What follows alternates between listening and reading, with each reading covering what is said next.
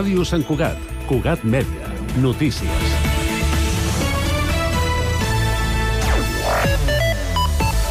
Bona tarda. La masia de Can Graells, datada del segle XIV, té una nova vida. HP l'ha rehabilitat i li ha donat un nou ús, convertint-la en el nou centre d'innovació i disseny de la companyia. La multinacional ha inaugurat aquest matí el nou centre amb la presència del conseller d'Empresa i Treball Roger Torrent i l'alcalde Josep Maria Vallès. El nou centre arrenca amb una trentena de treballadors que s'ampliaran fins a la vuitantena. Dimarts 24 d'octubre de 2023. També és notícia que Sant Cugat registra una onada de robatoris amb força a l'interior de vehicles. Durant els primers nous mesos de l'any, al municipi s'han denunciat 410 robatoris d'aquest tipus. Això representa un 70% més que el mateix període de 2022. Són dades que preocupen a Mossos d'Esquadra, tot i que ja porten 10 detencions vinculades a aquest tipus de delicte. Tot i això, diuen que no són suficients. Ho valora el cap de la comissaria dels Mossos de Sant Cugat, Manel Rodríguez, que ha avançat que el cos està preparant un pla d'acció inèdit a la ciutat, però que serà contundent. Segons ha concretat Rodríguez a Cugat Mèdia, l'operatiu es posarà en marxa d'aquí una setmana o 10 dies i s'allargarà fins després de les vacances de Nadal. També comptarà amb la col·laboració de la policia local. Diversos col·lectius i entitats socials de la ciutat fan una crida a concentrar-se aquest dijous a la plaça de la Vida, Vila per reclamar la fi del genocidi a Palestina. La concentració davant l'Ajuntament, que començarà a les 6 de la tarda, se suma a la multitud de mobilitzacions que en la darrera setmana s'han organitzat a ciutats d'arreu del món per denunciar la situació que pateix el poble palestí i per reclamar l'aturada de l'ofensiva militar a la franja de Gaza.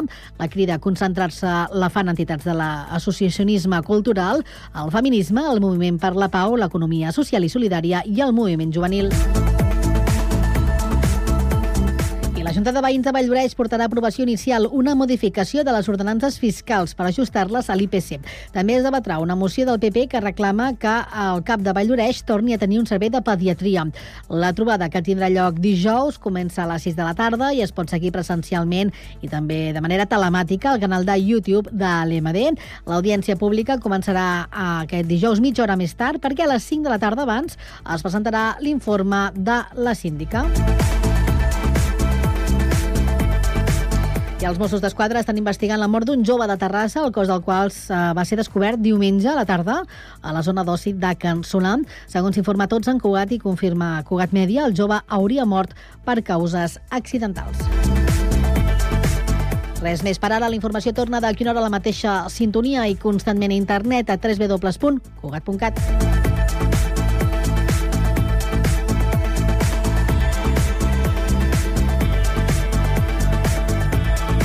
Cugat Mèdia, la informació de referència a Sant Cugat.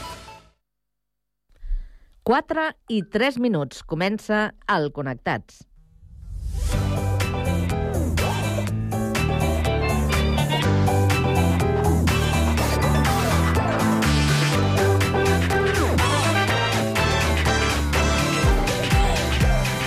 Connectats amb Carme Reversa.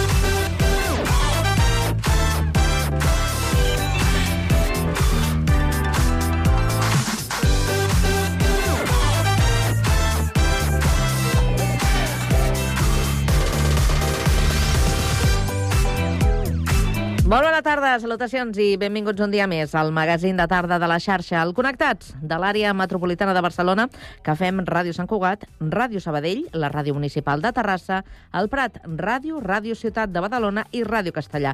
Una salutació de tot l'equip, conduït a la part tècnica per Pablo Palenzuela, Jessica Rius a la producció i de qui us parla, Carme Reverte. Avui és dimarts 24 d'octubre i volem saber quin temps ens espera aquesta tarda. Lluís Mi Pérez. Déu-n'hi-do el vent que hi està bufant i com s'han portat tota la mala visibilitat que hi havia ahir, aquest púlsima suspensió i també com ha netejat de núvols gran part de Catalunya. De fet, les immediates hores, aquest vent bastant dominant entre Garbí i Ponent i atenció perquè s'ha de reforçar bastant a les comarques de Girona, sobretot entre la Selva, el Ripollès i la Garrotxa i també a les comarques del sud de Barcelona i de Tarragona. Vent eixut, per tant, s'emportarà els núvols més importants, però n'arribaran d'altres que aniran deixant el cel més emblanquinat, ja sobretot per les comarques de Ponent. Tarda que serà una mica més fresca que la d'ahir, sobretot a les comarques de Girona, on baixarà més la temperatura. Aquesta nit, mitjanit més aviat, passarà una petita pertorbació que farà plovisquejar, poca cosa, sobretot a les comarques del Pla de Lleida, i en canvi el dimecres una altra vegada acabarà sortint un bon sol, amb vent, que sobretot demà serà més important a Tarragona i Barcelona, i demà torna a pujar la temperatura màxima. Ho seguirem a la xarxa. Doncs avui al Connectats parlarem de la sequera als boscos catalans. Entrevistarem Mireia Banquer, tècnica de recerca del CREAF. Acabarem aquesta primera hora amb la tertúlia generalista. Avui parlarem dels, de l'anàlisi dels resultats del reciclatge a l'àrea de Barcelona i de la reclamació d'institucions perquè el català sigui oficial a la Unió Europea. A partir de les 5 coneixerem la sancuatenca Ketty Ramos, propietària de la pastisseria Petritxol.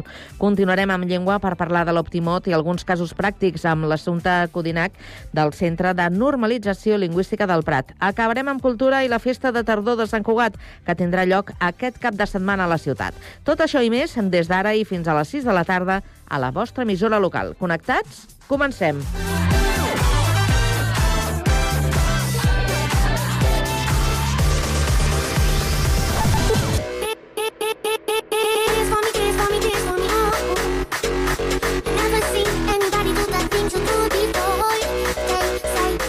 Connectats, una experiència radiofònica a Sabadell, Terrassa, Sant Cugat, El Prat, Castellà i Badalona.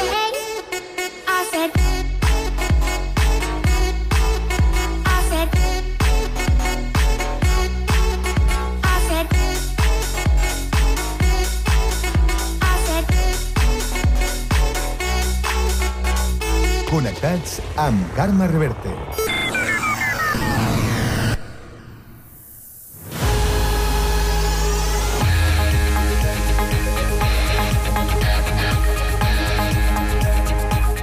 I quan passen 6 minuts de les 4 de la tarda ens actualitzem amb la ronda informativa que obrim avui també per Terrassa. Sergi Estapé, bona tarda. Bona tarda, l'alcalde de Terrassa, Jordi Ballar, i el bisbe de la diòcesi de Terrassa, Monsenyor Salvador Cristau, presentaran demà oficialment i de forma conjunta al papa Francesc la candidatura de la Seu d'Ègara per ser inscrita a la llista indicativa de Patrimoni Mundial de la UNESCO. Durant l'audiència general, l'alcalde i el bisbe de Terrassa presentaran a sa santedat els aspectes claus de la candidatura de la Seu d'Ègara per formar part del Patrimoni Mundial de la UNESCO. L'alcalde i el bisbe presentaran al papa un memoràndum amb continguts relacionats amb el patrimoni artístic i arquitectònic de la Seu d'Ègara, la seva singularitat en relació amb l'època a la qual correspon i la seva història de més de 15 segles. Durant l'audiència, l'alcalde i el bisbe també lliuraran al papa una aquarela de la Seu d'Ègara, obra del reconegut dibuixant i aquarelista terrassenc Robert Cabeza i una reproducció de l'església de Santa Maria que conserva les restes de l'antiga catedral d'Ègara. La candidatura de la Seu va iniciar el procés per ser inscrita a la llista indicativa de Patrimoni Mundial de la UNESCO el 27 de març de 2015 amb la presentació oficial del projecte en un multitudinari acte ciutadà que va tenir lloc al recinte gràcies a la col·laboració entre l'Ajuntament de Terrassa, la Diòcesi de Terrassa i la parròquia de Sant Pere. Gràcies, Sergi. Seguim aquest repàs a l'actualitat ara des de Sabadell. Pau Duran, bona tarda. Bona tarda. Presentades les mesures per implementar la zona de baixes emissions als municipis de l'arc metropolità.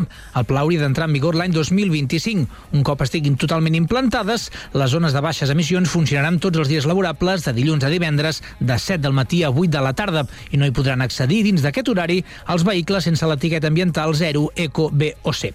La presidenta de l'ENS i alcaldessa de Sabadell, Marta Ferrés, ha explicat que el sentit comú demanava posar-se d'acord, ja que l'aire no té barreres. L'aire no té barreres i, per tant, el que no té sentit és que cada municipi prengui unes decisions diferents dels altres, perquè al final el que hem de fer, doncs, òbviament, és fer una política pública eh. I, per tant, ja vam dir en aquell moment que en el cas dels ajuntaments de l'ARC consensuaríem una proposta eh, conjunta, per tant, sobretot per evitar aquestes diferències entre municipis i, deixin-m'ho dir també, per intentar fer la vida més fàcil al ciutadà.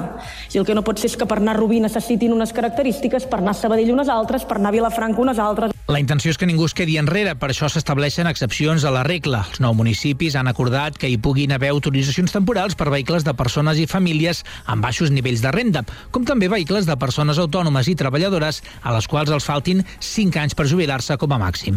També s'inclouen en les excepcions els vehicles dedicats al transport de persones amb mobilitat reduïda.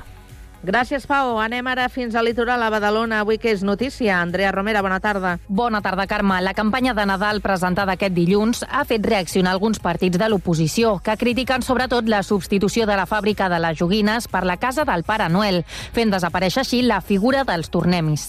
La segona tinenta d'alcaldia, Cristina Güera, assegura que la desaparició dels tornemis respon a una qüestió contractual.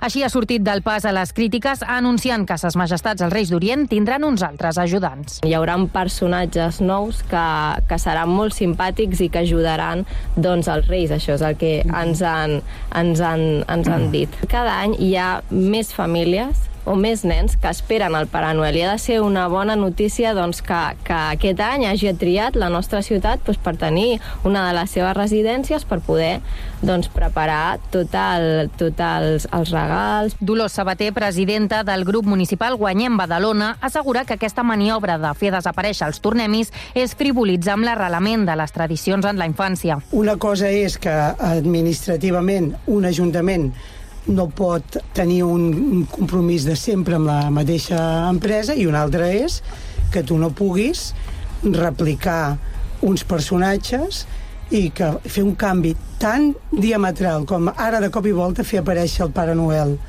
que no, mai la vida ha tingut una significació a Badalona. Recordem que dilluns es va confirmar que enguany no hi hauria fàbrica de joguines. Per contra, s'hi haurà la Casa del Pare Noel, al mateix Centre Cultural L'Escorxador. Gràcies, Andrea. Seguim al litoral, una mica més al sud, al Prat de Llobregat. Lluís Rodríguez, bona tarda. Bona tarda. El Consorci per la Protecció i Gestió del Delta del Llobregat considera que la proposta d'allargar la tercera pista de l'aeroport de Prat per sobre de la Ricarda amb una elevació en pilones acabaria de destruir aquesta reserva natural. Assenyalen que això malmetria encara més l'estany, que ja està degradat per la manca de mesures compensatòries de l'anterior ampliació. A més, insisteixen, no només es tracta d'aquest espai humit, sinó de tot l'entorn, com les maresmes que asseguren són úniques al conjunt del Delta, amb una biodiversitat que només es troba aquí. Així mateix ho ha assenyalat Enric de Roa, tècnic del Consorci. Una pista per sobre i amb pilones destruiria, evidentment, totes aquestes maresmes.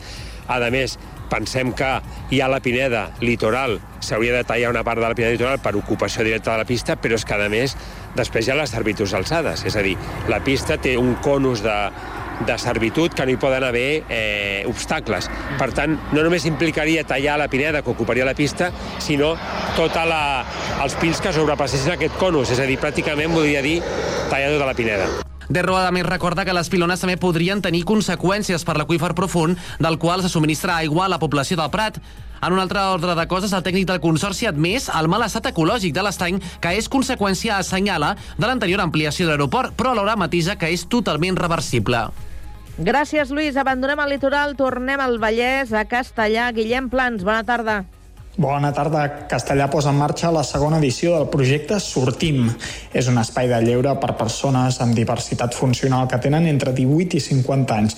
El servei, impulsat per la Regidoria de Diversitat Funcional, té per objectiu que els participants mateixos proposin activitats del seu interès per dur-les a terme els dissabtes a la tarda. Des de la regidoria remarquen que és un espai on se senten còmodes i que els ofereix poder fer les activitats que realment els interessen. A més, el grup grup està conduït per dues persones formades per treballar amb el col·lectiu de diversitat funcional. Gràcies, Guillem, i tancarem amb la informació de Sant Cugat que ens porta, com sempre, Jessica Rius. Bona tarda. Bona tarda. Sant Cugat registra una onada de robatoris amb força a l'interior de vehicles. Durant els primers nou mesos de l'any, al municipi s'han denunciat 410 robatoris d'aquest tipus, un 70% més que al mateix període del 2022. Són dades que preocupen als Mossos d'Esquadra, tot i que ja porten 10 detencions vinculades a aquest tipus de delicte. No són suficients, ha valorat el cap de la comissaria de Mossos de Sant Cugat, Manel Rodríguez, qui ha avançat que el cos estava preparant un pla d'acció inèdit a la ciutat, però que serà contundent. Segons ha concretat Rodríguez, a Cugat Mèdia, l'operatiu es posarà en marxa d'aquí una setmana o 10 dies i s'allargarà fins després de vacances de Nadal. També comptarà amb la col·laboració de la policia local. Estem preparant un pla d'acció, un pla d'acció específic pels robatoris interior de vehicle.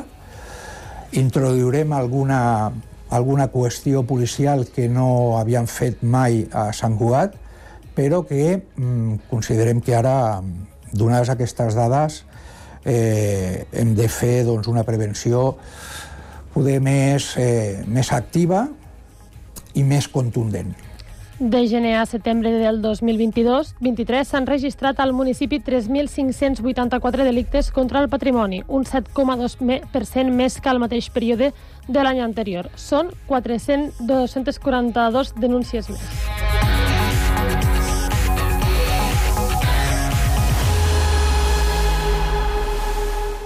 la lluna es posa vermella quan descobreix el teu art. I ens hi posem tan fort que portaríem la vida a mar.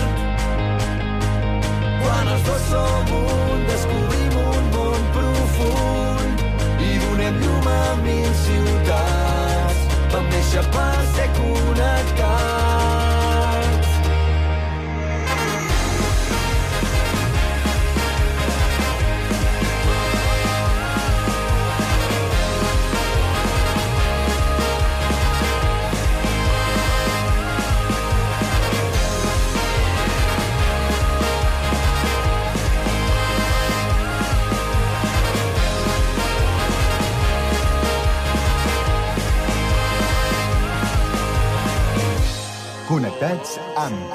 Carme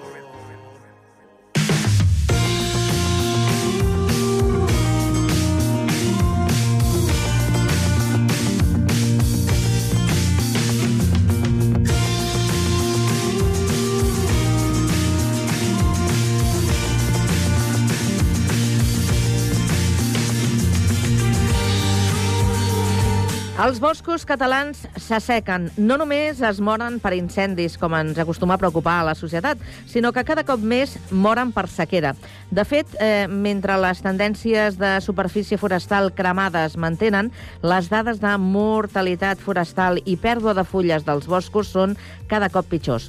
Pau Duran, amb qui podem parlar sobre aquest tema? Bona tarda. Bona tarda, en parlem amb la Mireia Banquer, que és tècnica de recerca del CREAF. Gràcies per atendre'ns, Mireia. Hola, bona tarda. Gràcies a vosaltres. Tant allò que estem obsessionats a vegades, no? allò de que oh, no se'ns cremi el bosc, no se'ns cremi el bosc a l'estiu i la campanya d'incendis, i a, a veure si resultarà que se'ns està morint d'una altra manera, no sé si dir-li més silenciosa o, o, o més amagada. Bueno, o menys aparatosa, no? Potser, perquè, clar, els incendis sempre causen un impacte molt fort perquè és una pertorbació molt gran i, i que, bueno, que sempre surt als mitjans. Però sí, sembla ser que el canvi climàtic ens està portant altres efectes que estan, que estan tenint un impacte fort als boscos i, en aquest cas, doncs, la sequera és un d'aquests impactes que, bueno, que comença a fer-se veure amb força, amb força notorietat. El, això eh, s'ha pogut fer una mica la lectura d'aquests eh, informes que es fa des de Boscat, crec que es diu la, la xarxa. Ben ben què consisteix aquesta xarxa? De, de Boscat. De, de Boscat. De Boscat, perquè és del decaïment dels boscos de Catalunya. Nosaltres d'acord. estudiem el decaïment entès com a aquests, aquests episodis de, de mortalitat o bé, abans que arribi la mortalitat, doncs episodis que indiquen símptomes que el bosc està patint estrès per sequera, que són la defoliació, la pèrdua de fulles, o la decoloració, quan els arbres canvien de fulla, no perquè sigui la tardor, sinó perquè estan estressats i assequen les fulles. Vale, és, és que ara ho he vist, eh, Mireia, que clar, era l'acrònim Vale, amb les vale. primeres síl·labes de Boscat. El, el, està entès, d'acord. I, el, clar, només pel Vale. el, el diferent color ja ho veieu, que no és un problema de tardor, sinó que és que és la sequera al darrere. Sí, bueno, no només pel color, sinó pel moment en el que apareix, no? O sigui, la, la, la decoloració per la tardor és una cosa com molt clara, com que afecta unes espècies i a unes altres no, no? Només, només els, els arbres caducifolis perden les fulles. Llavors, quan un arbre perennifoli que no hauria de perdre les fulles doncs té la capçada marró, és inequívoc que no pot ser la tardor, no? que ha de ser alguna altra cosa. I els que sí que perden la fulla, però que la perden en un moment en el que no hauria de ser, doncs a mitjans de juliol, per exemple, no? doncs no pot ser tampoc per la tardor perquè estem a ple estiu, per tant també ho identifiquem com un símptoma d'aquesta sequera. Llegeixo que durant el 2022 es poden considerar afectades 30.000 hectàrees. El número 30.000 em sembla molt, però això no sé si és molt de bosc, és poc. Clar, en, en relació al total de bosc que té Catalunya és poc, perquè Catalunya té moltíssima superfície forestal, és, sembla impossible. Però si ens comparem amb països europeus, doncs em sembla que estem al tercer en el rang de, de proporció de bosc per superfície total. Vull dir, és un país molt, molt boscós, Catalunya. Per tant, 33.000 hectàrees en proporció al tot el bosc que tenim no és molt, però en el fons sí que és molt, perquè vol dir que no, hi ha 33.000 hectàrees, que són molts camps de futbol, que, tenen, que ja estan mostrant aquests símptomes de patiment per, per sequera o per, o per canvi climàtic en general, no? no només per sequera, sinó també per la calor. Què s'hi pot fer, Mireia? Mm, aquesta pregunta és potser la més complicada de totes, perquè, clar, una mica quan parlem de boscos, um, per nosaltres, des del punt de vista de la- de l'ecologia, que és des d'on nosaltres estudiem els boscos, Uh, és important tenir present que els boscos tenen múltiples funcions, no? És a dir, el, el fet que hi hagi un bosc en un indret determinat doncs compleix moltes funcions. Algunes directament eh, antròpiques, directament pel nostre benefici, doncs com són el lleure, com són poder anar a buscar bolets, com són poder fer activitats a l'aire lliure o aprenentatge de natura que puguem donar als nostres infants, i altres que són molt menys tangibles, com ara doncs, el control de l'erosió, no? El- Els arbres amb les arrels fan un efecte de, de controlar l'erosió similar a les malles que posem als talussos de les autopistes, les arrels dels arbres tenen un efecte molt similar, per tant són molt importants per controlar o per evitar l'erosió en superfícies eh, pendents, per exemple. També són uns grans aliats per evitar grans riuades, perquè fan que l'aigua, quan plou amb molta intensitat, arribi de forma més, més lenta a les conques i també hi ha un, una funció que és com molt, com molt estrella quan parlem de boscos, que és que són uns aliats contra el canvi climàtic, perquè funcionen de segrestadors de CO2, que és un dels gasos d'efecte hivernacle. És veritat que aquest efecte és així, el que passa és que també cal posar-lo en context, i és que tots els boscos de Catalunya estarien segrestant al voltant d'un 10% del total de les emissions que fem els catalans. Per tant, eh, són un aliat, un 10% no és gens menys preable, però tampoc no podem deixar tota la responsabilitat de, no, de controlar o de mitigar o de paivagar el canvi climàtic als boscos. Vull dir, nosaltres hem de fer molt més del que estem fent. Però sí que és veritat que els boscos també tenen aquesta funció de, de segrestadors de, de carboni. Llavors, quan parlem de què hi podem fer, el primer de tot que hem de tenir en compte és que tenen totes aquestes funcions i que, per tant, fem el que fem, hem d'intentar eh, mantenir-les en el millor equilibri possible. Una cosa que sí que es pot fer, i, i posant per davant que no hi ha una solució única, que tenim boscos molt diversos, molt diferents arreu del país i que no ens funcionarà el mateix a Prades que al Pirineu o que a la Garrotxa o que a la Vall d'Aran. Tenim boscos molt diferents, amb estructures diferents, amb històries diferents, amb usos diferents. Per tant, el que està clar és que el que es pot fer no és el mateix per tot arreu. Hem de buscar petites solucions i pròpies a cadascun dels llocs on vulguem intervenir.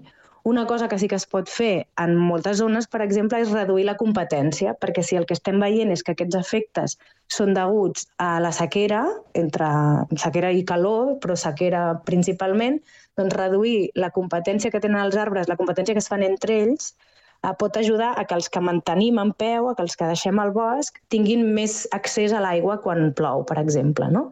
Llavors, en boscos molt densos o repoblacions o regeneracions que, que tenen densitats molt altes i que estan els arbres molt apinyats els uns amb els altres, doncs entrar, per exemple, i reduir aquesta densitat tallant alguns d'aquests arbres serviria perquè els que deixem eh, es mantinguin en més bon estat. Però hi haurà altres zones en les que ens interessarà doncs, mantenir i afavorir i, i promoure la biodiversitat perquè les espècies no, no reaccionen totes igual davant d'aquests efectes de la sequera. Llavors, potser hi ha, hi ha zones on tenim boscos de pins mixtes amb boscos d'alzina, no? típic, molt típic mediterrani, boscos d'alzines i pins, i els pins um, pateixen més, per exemple, que les alzines, depèn de l'espècie del pi. Llavors ens pot interessar afavorir aquesta biodiversitat perquè el que no aguantin uns ho puguin aguantar els altres, per exemple. Clar. Bueno, no sé, hi hauria com un ventall molt ampli de, de possibles accions mm, diferents en funció de, del que volem i d'on estem. El que passa, Mireia, que quan, per, exemple, eh, estic pensant ara, de, quan dius d'anar tallant alguns arbres, això m'ho haig d'imaginar més com una intervenció quirúrgica o podria anar lligat a dir, bé, doncs aquí podria haver una part d'explotació de la fusta d'aquest bosc que és com massa dens. Clar, les dues coses, idealment les dues coses han d'anar acompanyades, perquè si nosaltres, clar, nosaltres també com a societat estem demanant que els boscos estiguin en molt bon estat, però bona part dels boscos de Catalunya són de propietat privada. Llavors estem demanant a persones amb nom i cognoms, diguem, que facin unes inversions als seus boscos que no són rentables. Llavors, evidentment, una part um, per poder ajudar a afrontar aquestes accions seria doncs, treure'n un profit uh, econòmic dels, de la fusta que puguin treure'n, però no tots els boscos són explotables i rentables econòmicament, i a més, mm, el que et comentava de la multifuncionalitat a vegades va una mica renyit amb, aquest, amb aquesta explotació um, econòmica. O sigui, per poder-ne treure rèdit econòmic potser s'haurien de fer actuacions més intenses de les que de les que un bosc pot tolerar o de les que podrien mantenir aquesta multifuncionalitat.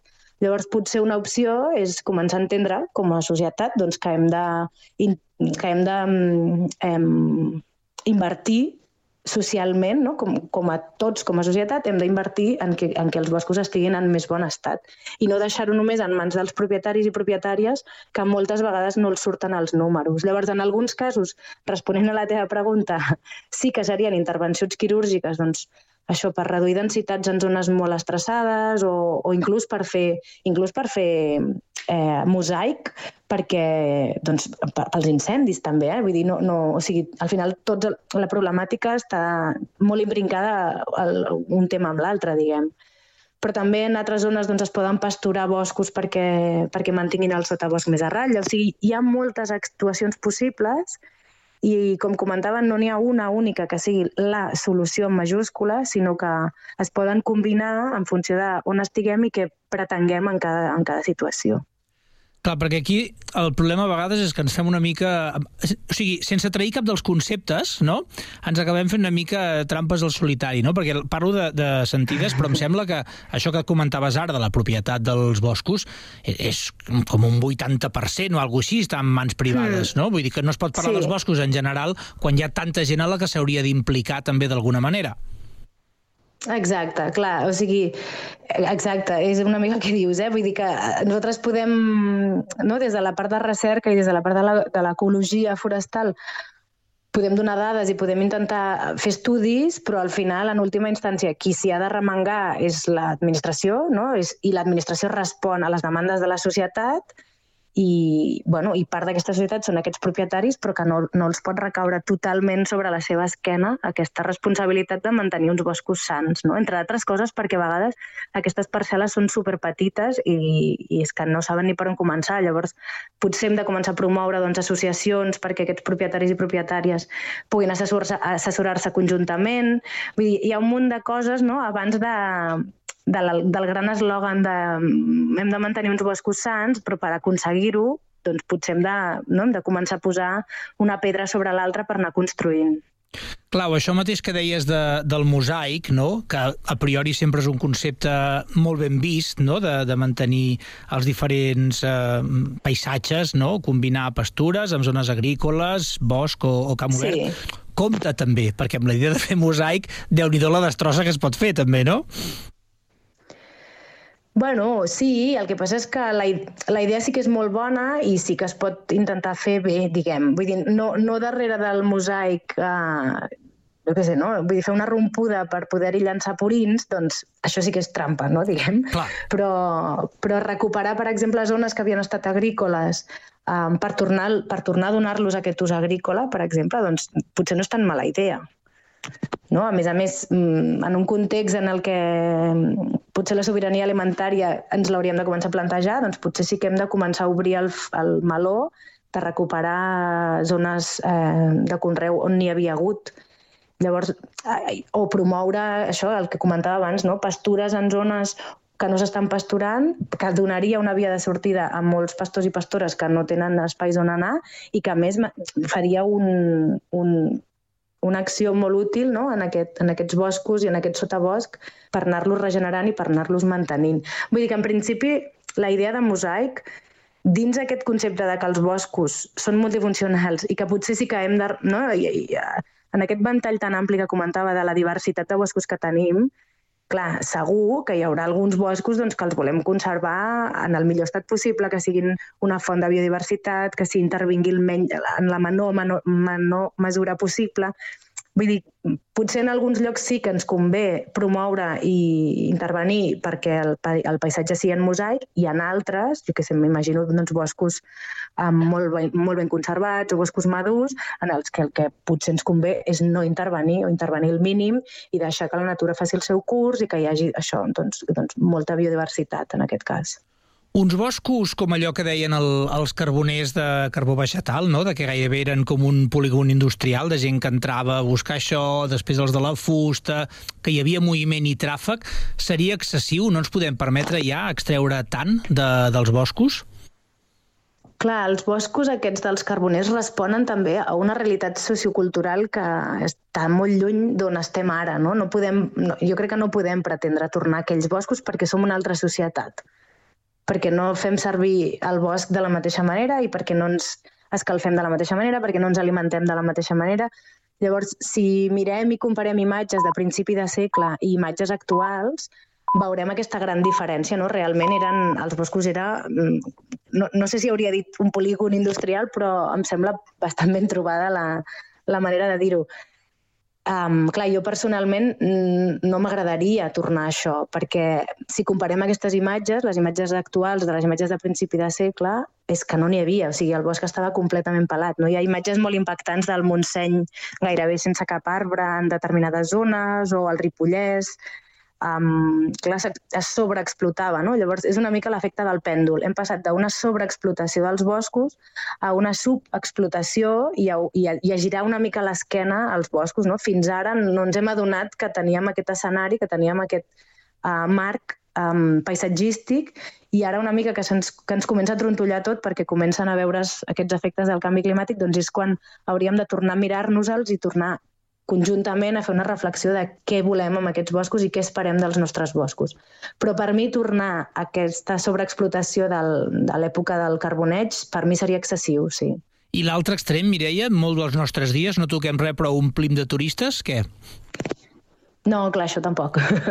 No, no, clar. A més, és que eh, justament aquest matí llegia un article d'un d'un bosc que hi ha molts problemes de sobrefreqüentació, també. Vull dir, um, aquí també entra una mica l'ús que en fem de la natura i l'ús i el sobreús eh, que fem de la natura com a recurs doncs, per desestressar-nos i, o sigui, ni un extrem ni l'altre, en realitat. Els boscos són, són ecosistemes en els que hi ha uns processos dinàmics que es veuen afectats pel que hi passa dins, no? I, i, i que hi hagi sobreexplota- sobrefreqüentació doncs també té un efecte molt important, no només en la fauna, que és molt més sensible a sorolls, a presències, etc, sinó també en el propi sistema d- d'arbres i de flora, no? en arrels, en, el, en la consolidació del sol, com més vegades i més sovint trepitgem el terra, doncs aquell sol que estem trepitjant sota els peus es va compactant i com més compacte és, doncs és menys permeable a la pluja, per exemple, o les arrels queden vistes perquè anem trepitjant tots sobre el mateix lloc. Llavors, la sobrefreqüentació, doncs tampoc, clar. Mireia, gràcies per atendre la trucada del Connectats. Moltes gràcies a vosaltres. Ja veieu que ens haurem de cuidar dels boscos, no només per la por a l'incendi a l'estiu, sinó durant tot l'any i amb molt bona lletra i a poc a poc.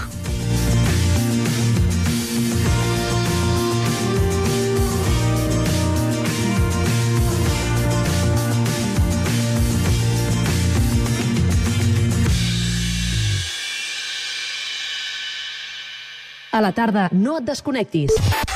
A la teva ràdio local, connectats. Can't touch this. Can't touch this.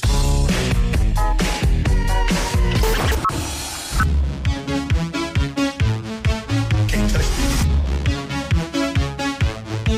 Can't touch this. Connectats amb Carme Rebell.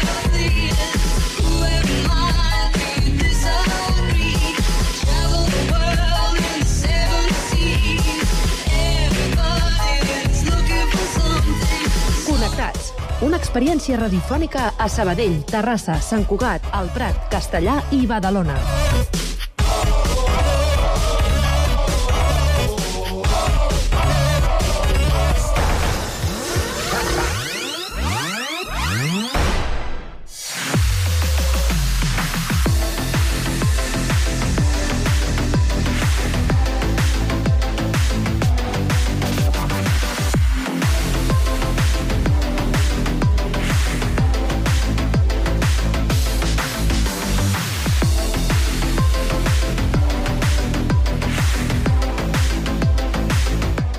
4 minuts de dos quarts de 5 de la tarda i és temps ara per a l'opinió. La tertúlia, tres bandes. Avui la compartim amb l'Alba Blanco, que és politòloga. La tenim a Badalona. Alba, bona tarda. a totes. Molt bona tarda. També ens acompanya l'Ester Amiel, artista i activista des de Sabadell. Ester, bona tarda. Hola, hola, bona tarda. I completem el trio d'avui amb la Dolors Vilarassau, que és directora teatral, i ens acompanya a l'estudi de Sant Cugat. Dolors, bona tarda. Bona tarda. Bé, doncs avui tenim tres senyores, demà seran tres senyors. Vaja. Això, això va com va. Esther, que tens algun problema amb la línia de telèfon?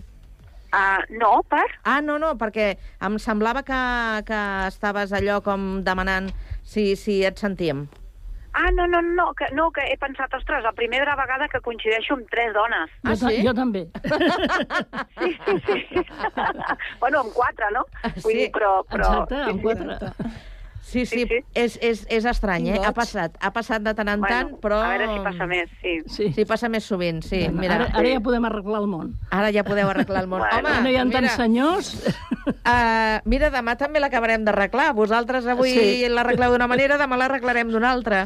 A veure, a veure què passa. Bé, doncs uh, anem pels temes que, que avui us eh, proposava eh, i el primer té a veure amb un tema que ja hem tractat a, al llarg de- d'aquestes temporades al Connectats, perquè ja fa temps que eh, ens hi dediquem a això del reciclatge de, de, les, eh, de les deixalles, de les escombraries, i sembla que, tot i tenir uns objectius que marca la Unió Europea, doncs eh, no s'està fent bé la, la feina o no to, tot el que caldria, caldria fer-la. I el principal problema es troba a, a l'àrea de Barcelona i als seus voltants. Les últimes eh, dades que s'han recollit de, de l'any passat, el 2022, doncs eh, parlen que només se separen correctament en aquesta zona de, de l'àrea metropolitana, diríem, eh, se separen bé el 38% dels residus. I això doncs, eh, no deixa de ser un problema si resulta que hem de complir doncs, amb aquests eh, compromisos que marca la, la Unió Europea d'intentar assolir com a mínim el, el 50%. El 50%. Eh, hem parlat de diferents sistemes de, de recollida de residus, però sembla que apunten el tema de la recollida porta a porta com el més efectiu de tots. Ni contenidors intel·ligents ni res que s'assembli. Però, clar, quan parlem de ciutats, de grans ciutats com les que envolten l'àrea o, o pertanyen a l'àrea metropolitana de Barcelona, això és una mica complicat, tot que ja eh, s'han fet eh, proves i experiments que sembla que, que han funcionat. No sé si vosaltres teniu alguna opció viable o alguna proposta a fer. Què us sembla eh, que, que, que es podria fer per millorar aquesta situació? O si és una qüestió que no hi haurà volta de full? Home, sempre, sí que hi ha volta de full, sempre la volta de full és la conscienciació, l'educació de la gent, el que passa que això no sé si va a llarg termini, a mitjà termini, no sé, no sé exactament com va. Com tu has apuntat, sembla que les grans ciutats és el, les que, o sigui, l'àrea metropoli metropolitana sembla que és el que fa més, més difícil aquesta recollida selectiva, no? Clar, a mi em sap greu que, que la solució hagi de ser porta a porta i amb un senyor que vigili, no? O sigui que per això deia que lo important, lo important és la conscienciació de cada persona, no? I què fa cada persona cívicament, no? Si al final què necessitarem? Que algú ens digui si ho fem bé, si ho fem malament, no? Perquè és que no, no sé exactament això com va, no? Es, es mira els residus que, que, cada, que cada portal doncs, eh, genera, no, no ho sé. Clar, eh, per una part, mm, estic ara demanant conscienciació eh, i se li demana a la gent doncs, tot aquest esforç que, evidentment, que ha de fer, però després tenim el, això del Mundial de Futbol, no? que, que, que, que, tot és, que tot va, mm, tot el tema... Eh, tot el tema ecològic, tot aquest tema se'n va a la merda, perdó, no? I llavors, vull dir, no, no, no, no sé, vull dir, si toca fer porta a porta, doncs, eh, doncs ho farem porta a porta. A mi, això de tindre que deixar la bessura un dia, una hora, d'una manera, a mi m'agrada més el sistema actual. que passa que jo, per exemple, intento ser rigorosa en el, amb, amb això, no? amb, amb la selecció de, de les coses, a on van, no, no sé, com sempre, eh, podem dir moltes coses, però és difícil saber quina és la solució. Sempre la solució passa per una conscienciació de les persones i ser conscients, doncs, això, que el món se'ns va a la merda. Vull dir que hem de- que, que hem d'anar solucionant tots, tots aquests temes, no? Mm -hmm. Vinga, a veure. Eh, Alba. Doncs, Sí, no, jo coincideixo amb la companya amb el fet de que ja estem de prestat actualment al, en el planeta, vull dir, consumim molt més recursos dels que el planeta genera i això suposa doncs, una, una resposta radical, ja no podem estar... Uh, ja, no, ja ha passat el moment de la, conscien, de la conscienciació, amb això divergeixo, divergeixo no? perquè penso que ja és el moment d'actuar, perquè si els nostres fills volen tenir futur, volen tenir planeta, doncs hem d'actuar ara mateix i doncs, els experts el que estan dient és que el, la, el reciclatge selectiu eh, de moment és el que més resultats positius han, ha donat. Tant de bo es, es pogués fer d'una altra manera, però sembla ser que, que no està funcionant d'altres maneres. Hi ha països al món, no sé, per, crec que per exemple Califòrnia és una, és, una, és un exemple eh, que fan recollida selectiva i funciona molt bé i d'altres espais, o sigui, d'altres ciutats, no? també aquí a, a Catalunya, que està funcionant molt bé el tema de la recollida selectiva. És un canvi, és un repte, és cert que això ens costarà, és igual que deixar el cotxe, que a tothom ens costa, no? passar a fer servir doncs, els, els mitjans de transport públic acostumats a anar de porta a porta doncs és un, és un repte, però si volem tenir planeta i si volem tenir futur, doncs necessàriament passar per aquí. Esther? Uh, bueno, jo discrepo una mica de les companyes. Vinga, doncs estem aquí per escoltar, eh? Sí, També? sí.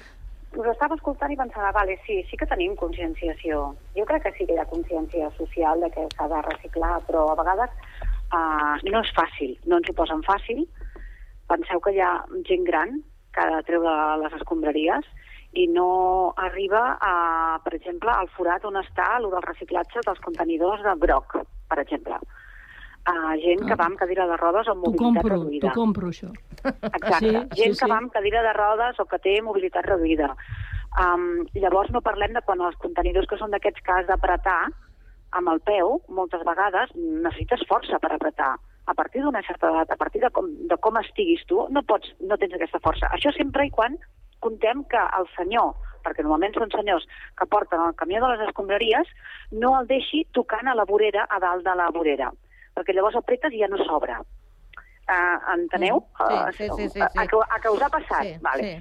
I Llavors, tot això sumat al que deies, eh, de, uh, llavors es fa un mundial a l'altra punta del món i s'agafen no sé què, no sé quantos. Tot això lligat, uh, el que fas és agafar molta consciència de ens estan prenent el pèl o què passa aquí? Ens ho estan posant, han posant molt complicat. Llavors també comencen a córrer vídeos per les xarxes, i que són reals moltes vegades, de què passa un camió de les escombraries de l'orgànic, però també agafa el contenidor dels, em, dels envasos groc i el posa tot en el mateix camió. Eh, per què passa? Tot això ha passat. I ens envien vídeos que veus que és així. Llavors, eh, agafes com una mica com d'enfado. I ho dic jo, que sóc una persona que ho recicla absolutament tot, eh? Però hi ha vegades que tens, ostres, és que no m'ho posen fàcil. Llavors, el porta a porta, mm, jo, a mi em sembla una magnífica opció. És més, aquí a Sabadell hi va haver un moment en què es va plantejar seriosament. Però el porta a porta, eh, el que passaria és que hi ha les grans empreses aquests eh, del Florentino Pérez, per exemple, sí. que perdrien molts diners. Això és un gran escull, per començar. Llavors, a porta a porta, a Madrid, s'està fent a districtes des de fa molts anys que es, fan, es fa el porta a porta a Madrid a alguns districtes i funciona.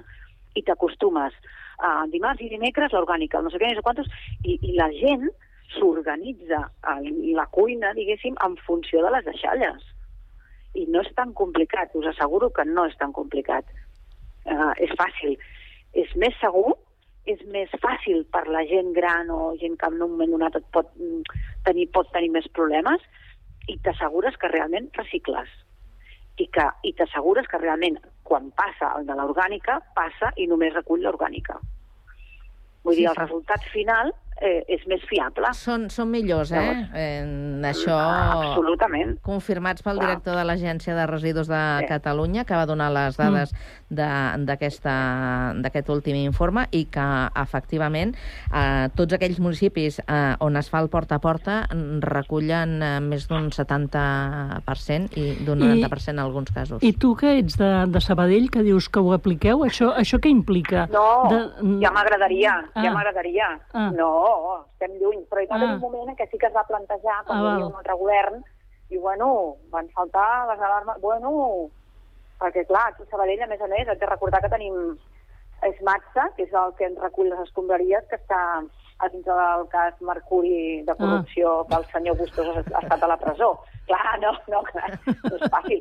és que és com un forat negre d'escombraries, mai més ben dit, la Ja. recollida de deixalles a, a tot Espanya, eh? no només aquí a Sabadell ni a Catalunya. O sigui, és una excusa perfecta per... mm, Hi ha, hi ha, un, hi ha un documental que s'ha passat pels, per bastants llocs, que es va passar per TV3 en el, el Sense Ficció, que és els residus del Mercuri, no sé si l'heu vist.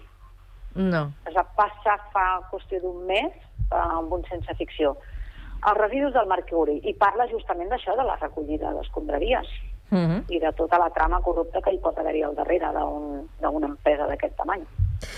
Eh, ah, no sé qui ha dit que, que anàvem una mica... Sí, em sembla que era l'Alba, que, que ja anàvem tard.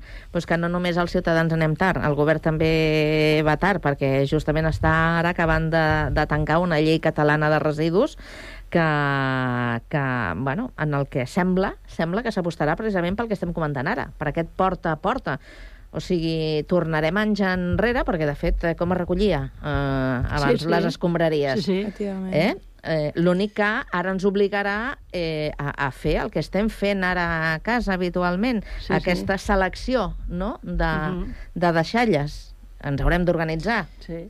I el personatge... Però realment és que són Digues, Alba. Perdó. Eh, no, que són, que són processos molt complexos, perquè fer, per exemple, uns plecs per, per la recollida de residus és una cosa que als ajuntaments de les que més costa, perquè val moltíssims diners, no sé, a l'any potser un ajuntament mitjà es pot gastar aproximadament uns 5 milions d'euros eh, només en recollida de residus i a part el reciclatge de tot això.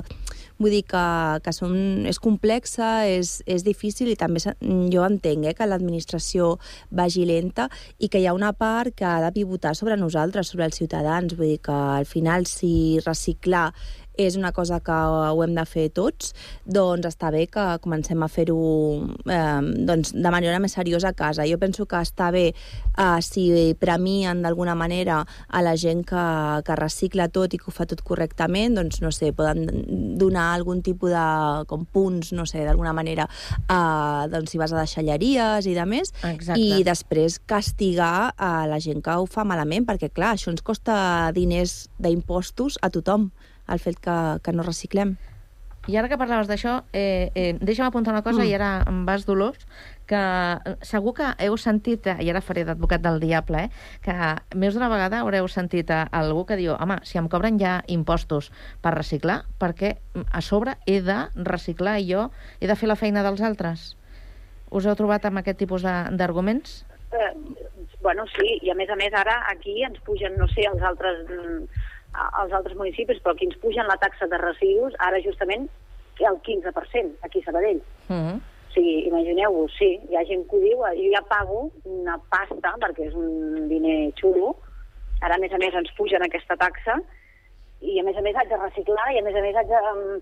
I a més a més sembla que m'estan prenent el pèl i m'ho posen tot malament, vull dir que jo crec que prou bé ens portem, sincerament, eh? Dolors, què volies apuntar No, abans? no, jo, jo l'únic que volia apuntar és, eh, ja que tinc una edat, no, que abans, eh, això que dèieu de porta a porta i tal, abans hi havia el personatge del drapaire, no? Sí. O sigui, tu deixaves, eh, deixaves el cubell de la, amb el- amb l'orgànic eh, cada dia i te'l recollia doncs, l'escombriaire, Mm. i llavors hi havia un personatge que, que bueno, de tant en tant passava i et recollia les, les, el vidre, Uh, si tenies, per exemple, coses de llana, doncs eh, ho pagava, el diari, el cartró, i bueno, que, que hi havia aquest personatge que feia una mica aquesta funció que ara fe, hem de fer els ciutadans d'anar classificant no? i s'ho emportava. Vull dir que, en el fons, hem de, mm, em sembla que eh, hem de tornar de vegades com a fórmules eh, ja passades, que ens semblen que, bueno, que la industrialització, el capitalisme, no sé què, ens ha fet veure que no anava així, i en, en realitat el que estem tornant és a fórmules doncs, que, que, que ja hi eren, i més, que eren més primàries, però que estaven més connectades amb la natura, amb les persones i amb tot plegat, no? Mm, Al final, més res, sostenibles. Sí. Uh, sí, exacte, i més sostenibles. No, i des, després, per exemple, el, el, el tema de, vol- mm, de voluminosos, clar, també a, això, recordo que hi va haver un moment aquí a Sant Cugat, Vull dir que si tenies un vol voluminós, el portaves a la deixalleria o te'l venien a, a buscar a casa, tal. Ara, per exemple, et diuen un dia i una hora i el deixes al carrer. He de dir que en aquests moments... De, hi ha Fa moments molta que, mandra. que... No, no, no, no, hi ha moments que Sant Cugat passes i, i està plena de, de matalassos, de cadires, de qualsevol cosa, per, està per terra per tot arreu, no? Que, que de vegades costa una mica quina és la fórmula, no? perquè, mm, bueno, no sé si us heu acostu, eh, acostat de vegades a contenidors i, bueno, després hi ha aquest síndrome, no?, que, per exemple, és una cosa que sempre m'ha admirat, no?, la gent que va, que va, per exemple, a deixar alguna a la paperera i la gent que arriba fins a la paperera amb el paper, però després, en el moment que ha arribat a la paperera, el tira a terra.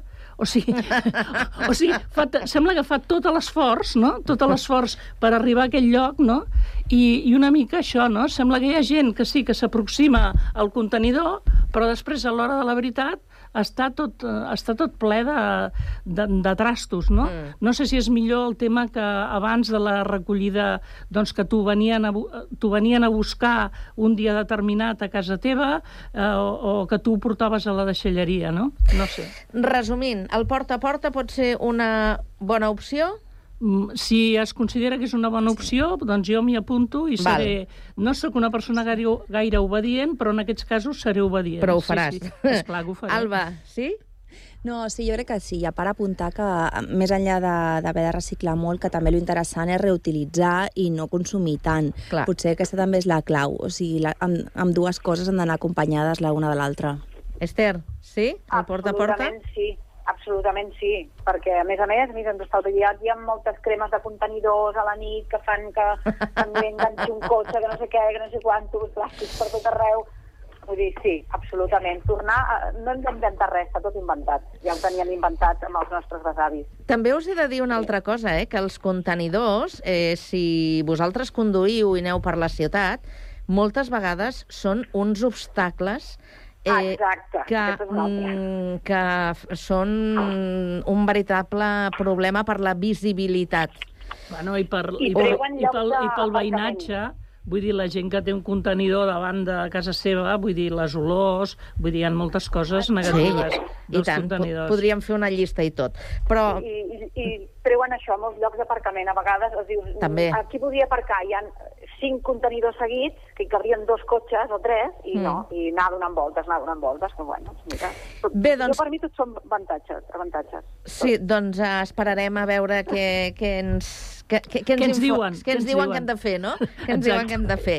Molt bé, doncs sembla que ara, en comptes d'esperar a veure què ens diuen que hem de fer, eh, hem pres la iniciativa Catalunya, ho ha fet Òmnium, eh, que doncs, eh, engega una campanya perquè el català doncs, sigui llengua o convèncer. Aquí ha de convèncer perquè el català sigui llengua oficial a la Unió Europea. Ja sabeu que hi ha hagut a sessió dels 27 dels Consells de, el Consell d'Afers eh, Exteriors, que s'ha reunit eh, avui, que el tema continua sobre la taula i que el eh, ministre espanyol el que ha proposat com a principal argument és que el cas d'Espanya es contempli com un cas, eh, eh, diríem que mm, exclusiu per tal de no obrir la porta a que altres eh, eh, llengües minoritàries també reclamessin el seu dret a, a estar present a, a la Unió Europea. De moment eh, no hi ha data, no se sap eh, quan es pronunciaran. El que sí que sabem és que ha de ser unànim.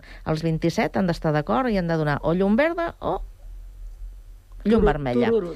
Eh, com veieu aquestes iniciatives que es fan, com la proposta que ha fet eh, Òmnium, convocant universitats, sindicats i patronal? Alba. Doncs molt positiva, la veritat que jo estic molt contenta des de que es pot parlar el meu idioma al Congrés i al Senat i crec que, que per mi doncs, també seria un avenç no? que les institucions europees ens poguessin dirigir en, en català. La veritat és que s'entén, eh? O sigui, puc arribar a entendre el que avui la Toni i Lituània argumentaven eh, respecte al rus, que no volien, no volien acceptar el català perquè no volien que el rus eh, pogués, pogués accedir o pogués ser reconegut com a llengua minoritària, però també és curiós que països com la Toni i Lituània, que menys de 5 milions de, tenen menys, menys de 5 milions de parlants de les seves llengües, eh, estiguin en contra que el català sigui una llengua oficial a la Unió Europea quan la parlem més de 9 milions de persones i l'entenen més de 12 milions de persones. Així que eh, tant de bo prosperi perquè, igual, igual que el català, el gallec i l'euskera, eh? Sí. és una manera de que la llengua doncs, pugui sobreviure. Eh, si ens la segueixen reprimint, no? perquè encara que hi havia molt bones intencions, per exemple, amb les plataformes digitals, de que s'extendria l'ús del català, això veiem que, que està sent bastant minoritari, que el recorregut està sent molt curt, doncs aviam si, si l'ús més habitual de la llengua doncs, permet que, que es mantingui viva. Esther. Ui. No hi és. No, no, no, ah, sí, sí, sí, sí. sí. El que passa que ho silencio perquè si no eh, se us cola el soroll de fora. Um, a mi no em deixa de sorprendre com entrem al joc aquest de, um, de la Unió Europea uh, i d'altres institucions de, bueno, sí, com que tenim tants milions d'habitants, podem entrar. No, però el rus que no entri. No. Són llengües que es parlen, són llengües vives. El català és la llengua oficial d'un país, Andorra. Eh, no entenc per què hem de buscar tants, eh, tantes voltes i hem de buscar tants arguments. I no entenc l'argument de... És que si no entrarà a, Rússia, perdona, és que té tot el dret. És que és un, és un idioma que parlen milions de persones. Mm, no entenc per què no pot ser, o sigui, no, no ho compro de cap de les maneres. És, és, és a dir, és més, o sigui, em sorprèn i, i mm, m'escandalitza que no sigui un dels idiomes oficials. És escandalós. L'idioma és la, la llengua que fa que un, un poble estigui viu. Ho, ens ho apliquem a nosaltres al català i ens ho apliquem i, i ho ens ho creiem, ho hem d'aplicar a tots. Deixem a la Dolors que, Sí. que tanqui. Uh, Esther, Menys d'un minutet, vinga. Esther, eh, per això, te, per això teu sí que tinc una resposta, perquè la Unió Europea és l'Europa dels estats.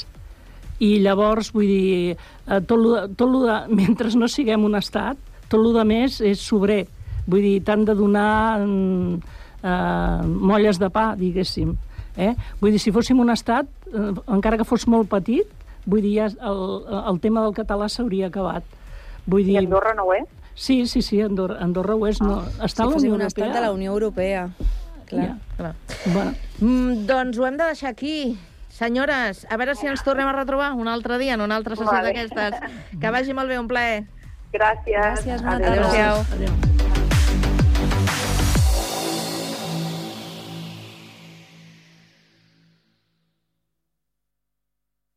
És el mateix ser els integrants del millor grup de la història que ser el millor grup de la història.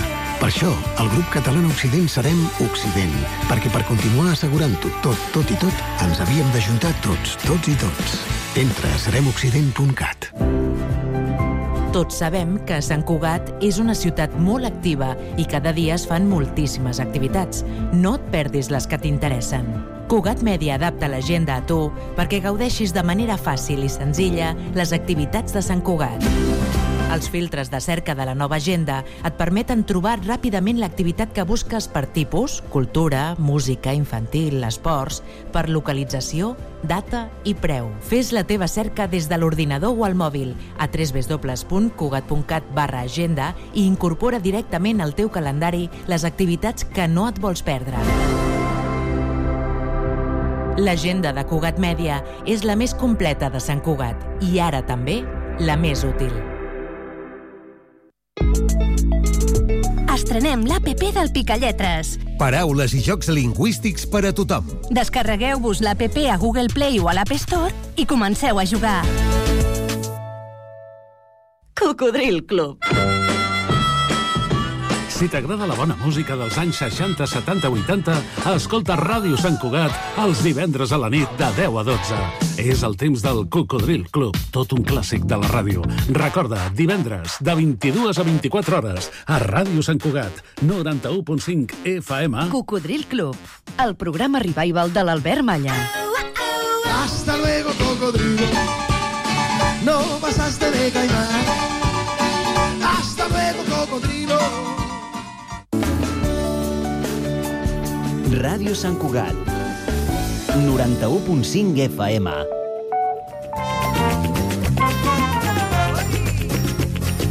Riu, riu, riu, i ara que arriba l'estiu, aixeca't molta i riu, i les penes van al riu. Riu, riu, riu, i ara que arriba l'estiu, aixeca't molta i riu, i les penes van al riu. I em prenc una estapa a la, a la terrassa del barri amb els meus amics sota una palmera. Passo mig matí i cap al migdia algun dia a buscar agafo la tovallola i les xancletes i cap al mar. Riu, riu, riu, i ara que ha arribat l'estiu, aixeca't molta i riu, i les penes van al riu. Riu, riu, riu, i ara que ha arribat l'estiu, aixeca't molta i riu, i les penes van al riu. I cap a la tarda quedo amb la pepeta per fer un gelat.